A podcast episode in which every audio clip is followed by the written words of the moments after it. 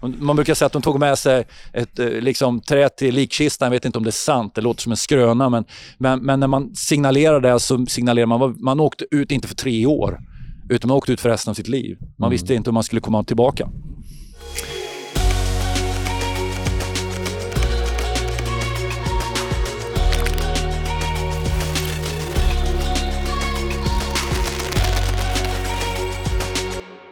Då säger jag välkommen till eh, podden Svensk Pionjärmission. Patrik Olofsson heter jag och sitter bredvid Mikael Boman och vi är faktiskt ute och spelar in och det är lite windy och eh, Underbar stämning här måste jag fiskmåsar säga. Fiskmåsar som ja, flyger runt omkring oss. Underbar Tänk om du skulle kunna få, och rough och få fiskmåsspill rakt i ja, kebban där va? Hade du fått den i pannan så då, hade du då bjuder glad. jag på tre rätter av glädje. Oh, jag skulle bjuda på fyra rätter om du fick en på det.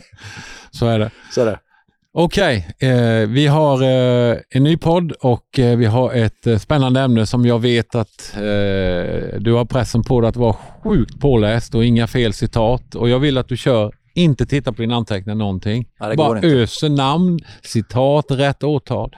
Nej, jag skojar. Men vi ska prata lite om eh, Sverige som bara missionshistorien, pionjära missionshistorien i Sverige mm. och även väckelsen vad Sverige på något sätt, vad hände i Sverige liksom? Ja, och vad har hänt tills nu? Ja. Och vad behöver hända igen? Exakt, för det är faktiskt det också därför vi tittar tillbaka på historien. Det är inte för att liksom Veta var vi kommer ifrån. Ja, vi måste veta var vi kommer ifrån och, och vad Gud har gjort i omgångar och vad Gud faktiskt vill, kan och vill göra igen. igen. Det är hopp för Sverige skulle jag vilja säga.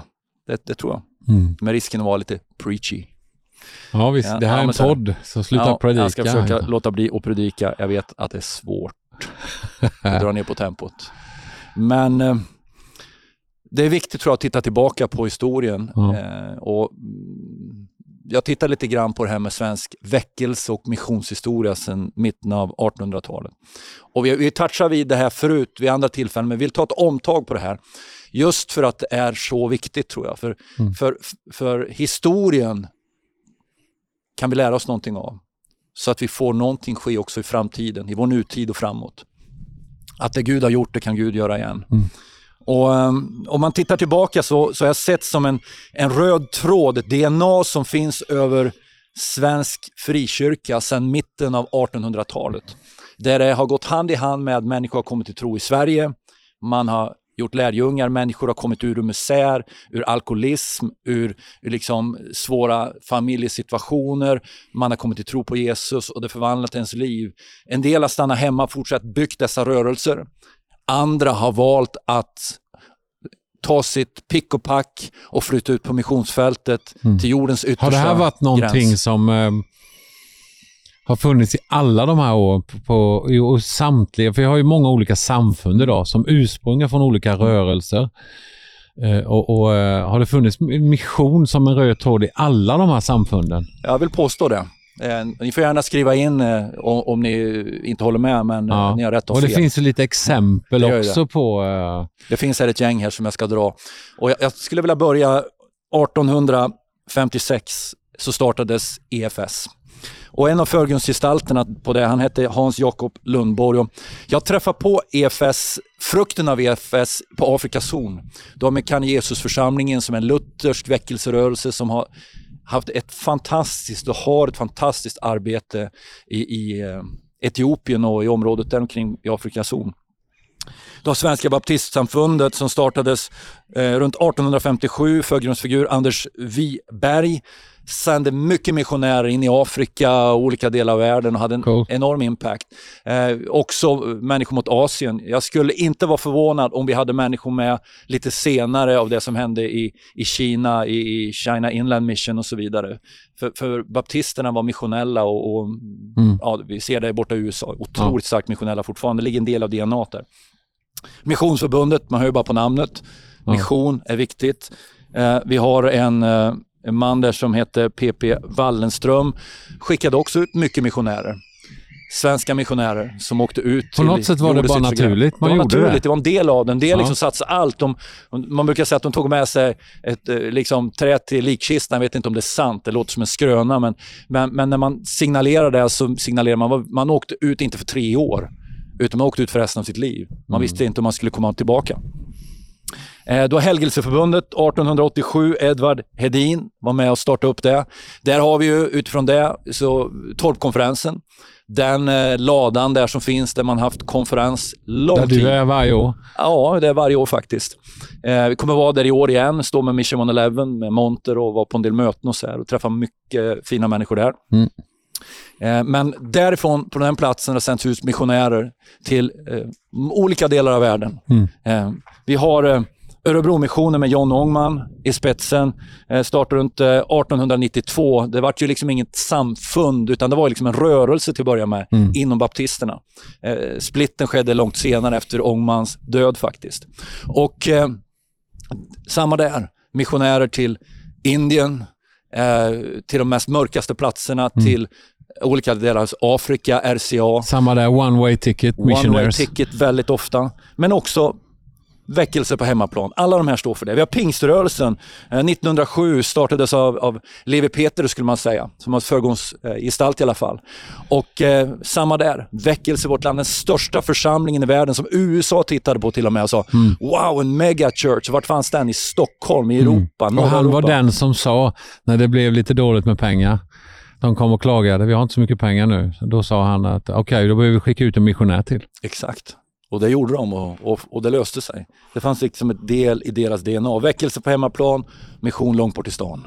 Eh, vi har ju Svenska Alliansmissionen som har sina rötter någonstans i mitten av 1800-talet men liksom kanske tog sin fart i senare delen av 1800-talet. Och Fredrik Fransson som var ju en svensk-amerikan, en evangelist, en apostel, missionsman. Han, han, han liksom rekryterade på uppdrag av Hudson Taylor 200 svenska missionärer som Ja. skulle gå och hjälpa och ta evangeliet i, in i Kina. Eh, och, och lyckades med det och det finns mycket att säga om det, men vi ska inte gå in En, på alla en detaljer. person berättade att de hade mött Fredrik Fransson på ett tåg. Mhm. Eh, och eh, han satte sig framför och hade Bibeln i handen och, och den här mannen hade gjort, eh, gjort, eh, gjort någon färdig någon utbildning och, och, eh, och så frågade Fredrik, tror du på Gud? Och då, den här killen var ju kristen, han som berättade detta och skrev ner detta efter och sa att ja, jag tror på Gud. Och andra frågan var, vill du åka ut på mission? Nej, raka rör. Fredrik Fransson. det, Fredrik Fransson var, var inte älskad av alla. Det ska man säga. Många tyckte han var jobbig, stör och Speciellt besvärlig. pastorer kanske. Ja, ta, de, de anklagade honom ibland för att han tog de bästa, Och skickade ut dem. skickade ut dem. Men klart, om du tittar på resultatet av, av väckelsen vi ser i, i Kina idag, så var ju China Inland Mission med Hudson Taylor och det, det Fredrik Fransson och svenska missionärer som var del Mm. av det. Det hade ju inte skett. Va? Men många gav sitt liv. Eh, sen kom boxarupproret och det var många som dog. Mm. Men, men liksom, eh, martyrernas blod var liksom ett utsäde och ja, det som sker i Kina idag är ju fantastiskt. Eh, men vi har ju den, kanske den sista rör, väckelserörelsen skulle jag vilja säga som hi, fram till det, dessa, detta datum. Trosrörelsen med Ulf Ekman i spetsen. Som, det var väckelse, det måste man hålla med om. Och eh, man, man sände ut mycket missionärer. Eh, framförallt till Östeuropa, forna Sovjetunionen och så vidare. Och eh, Det som är lika för de här, de, är, de kan vara olika till sin karaktär och, och kanske sin förkunnelse i vissa bitar. Eh, olika betoningar och så vidare. Men alla brann för att se människor komma till tro på hemmaplan och fick se människor komma till tro. Hundratals Hundratals församlingar startade upp. Exakt, va? I, i många av de här fallen. Eh, och, eh, men man sände också ut missionärer, pionjära missionärer, ut till de onådda, de minst nödda, de bibellösa folken. För man hade en enormt hjärta för, för att och liksom vara med och avsluta missionsbefallningen. Kick och jag var ju några av dem som blev utsända. Ja, Inte från Livets Ord i Uppsala, Ja. men ifrån vår församling som var en trosförsamling. Ja, I Vetlanda. Ja. Och, många, många under de här sen, sen 1850-talet var just så här. Unga individer, singlar, men också unga familjer Ja. som liksom satsade allt för att de som inte hade hört om Jesus skulle få möjligheten att Ja. göra det. Eh, jag har faktiskt en liten story, har vi tid med det? Ja då. Om berätta om två unga män som, eh, som liksom fick ett, ett möte med, med Jesus eh, och som hamnade eh, tillsammans till slut faktiskt i USA. Mm. Och där man eh, hade då ett, ett eh, man träffades för att be. Eh, och det här året, vi, vi, går tillbaka till 1909 och det handlar om Daniel Berg och Gunnar Wigren. De befinner sig då i bön i ett hem utanför Chicago i Amerika. De har träffat på varandra, lärt känna varandra. Så svenskar som har dratt till Amerika? De drog till Amerika eh, av olika anledningar.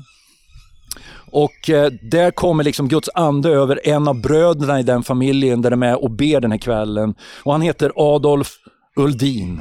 Adolf han får se en profetisk syn eh, med, med liksom en, en, text som skrivs med stora bokstäver över båda bröderna. Det står para.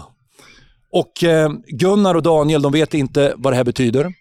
Eh, de går till stadens bibliotek och eh, hittar para, eller para, jag vet inte hur man riktigt uttalar det, i en eh, kartbok. Och ordet visar sig vara namnet på en huvudstad i en brasiliansk delstat med samma namn. De här då, kan man tänka... de hade, hade, ingen koll på Brasilien? Och så. Nej, de hade inte mycket koll på Brasilien kan man säga. Utan det var en andens ingivelse. Det var ett profetiskt budskap. Det fanns en bekräftelse i deras hjärtan. Och de tänkte, vi måste göra någonting uppenbart. Hade de mycket pengar? Nej. De hade 90 dollar i fickan. Och eh, när de började titta på vad biljetten för två personer att ta sig ner till den delen av Brasilien, vad det skulle kosta, så låg det på runt 90 dollar. Och vad gjorde de här två bröderna då? Jo, de, de bestämde sig för att skänka bort de här 90 dollarna. De gav det till en, en pastor som bedrev en, en tidning i Chicago och eh, som hade noll kronor på fickan. Mm. Eh, men det var ju så att den församlingen de tillhörde, de menade att deras uppdrag var dömt att misslyckas, att resan var ett naivt upptåg. Som, det skulle inte gå dem väl helt enkelt. Eh, och de frågade då ändå, kan vi få ett bidrag till biblar på portugisiska eller traktater på portugisiska? De kunde ju inte språket själva, för det första. Och de nekade det också, för det var ingen som trodde på dem där och då. Uppgivet? Och, eh, det var jättejobbigt för dem det här var helt enkelt. Eh, men de börjar söka Gud och under en bönenatt så talar den helige Ande eh, till dem att eh, om ni om du går, sa, sa Guds ande till, till Gunnar då, så ska ingenting fattas er. Ni kommer liksom, jag kommer förse er med mm. det ni behöver. Mm. Så att när dagen för den här avras, avresan, de skulle ju åka ut från New York, eh, så hade de liksom fått bara några få dollar av sin hemförsamling och, och, det var så lite pengar så det skulle inte räcka ens att transportera de här två från Chicago till New York. Mm. Så det var jättedåliga förutsättningar. Men de får ytterligare en öppning till en annan kyrka i Chicago och tänker wow, nu får vi predika och få in ett stort offer. De predikade, men man tog inte upp något offer åt dem. Eh, men i publiken så satt det människor som fick ett stort hjärta för de här två svenskarna och den här järva kallelsen de hade till Brasilien. Så att man började liksom efter mötet ge dem pengar. Och när de hade lämnat kyrktrappan... De stoppade pengar i fickorna på dem? Ja, stoppade pengar i fickor på dem, spontant gav dem pengar. Va? Eh, och, och, då hade de fått ihop fyra gånger så mycket som de här 90 dollarna som de hade gett bort. Va? De tar sig till New York och stöter ihop med en, en gammal bekant eh, till, eh, jag tror det var till Gunnar faktiskt. Eh, de hade känt varandra sedan flera år tillbaka men inte träffat på varandra på länge. Och den här mannen då, som var affärsman, han hade drömt på natten att han skickade pengar till Gunnar i Chicago där han var. Så han hade stoppat pengarna i ett kuvert på morgonen när han vaknade och, och la det i sin plånbok och tänkte vid tillfälle så ska jag gå till, till posten och skicka det här till Gunnar. Och de springer på Gunnar och Daniel på New Yorks gator i den här stora stan och han blir så här, wow! Eh, Gud talar till mig i natt genom en dröm. Mm. Och eh, eh, jag, jag, ska skicka de här pengarna till er men nu när jag möter er så, så, så kan jag lämna över det kuvertet nu och de fick 90 dollar. Samma eh, belopp som de hade gett bort till den här tidningen. Då. Coolt. Så de drog iväg. Eh, utmaningarna var många. Eh, det var inte enkelt. De hade inga riktiga understödjare. Och det här var 120 år sedan? Ja, det blir ju 100... Det här var ju 1909, så 1909, 1910. Så det är ju, vad blir det? Uh, nu är vi 2023 så det är ju 100... Ja, 15 år sedan. 115 år sedan. Något sånt. 114-15 år Mm. sedan. Men då tänker man så här då. De hade inte alla förutsättningar. Det var många utmaningar. Det var inte enkelt när de kom dit. Men wow, det som hände under resan. Mm. Ehm, idag finns det över 20 miljoner människor bara i den pingströrelsen som de startade. Men det här är ju multiplicera av sig. Det finns ju många pingströrelser i, i eh, Brasilien och Sydamerika. Och de var en av pionjärerna. Tänk om de inte hade åkt. Mm. Tänk att om de hade lyssnat till de här som sa, försök inte, det här är naivt, det är för djärvt, det är dårskap, inga biblar, inga traktater, knappt några pengar. Tänk om de hade stannat Men hemma. de drog. De Tror drog. du att det här är någon form av... Det bara finns på något sätt i den här karga svensken. Vi, Jag tror det. Vi har ju fler stories vi skulle kunna berätta om de här karga svenskarna som Hudson Taylor ville skicka tillbaka men sen insåg att de är helt ostoppbara. Till exempel Ja. som Fredrik, de som Fredrik Fransson skickade som missionär. Behöver vi, det är en dum fråga, vi behöver ju plocka upp den här spiriten igen. Jag tänker ju ibland att svensken när, när någonting händer och så gör man en gala på tv. Folk är så villiga att ge och, och göra förändring och så vidare. Jag tror att kyrkan behöver ett uppvaknande att faktiskt göra förändring när det kommer till det pionjära, Mm. när det kommer till inte bara hjälpa en människa i nöd, när det kommer till eh, fattigdom och så vidare. Det, vi gör ju mycket av det och vi ska göra mycket av det, men också att ge evangelium till de som aldrig har hört.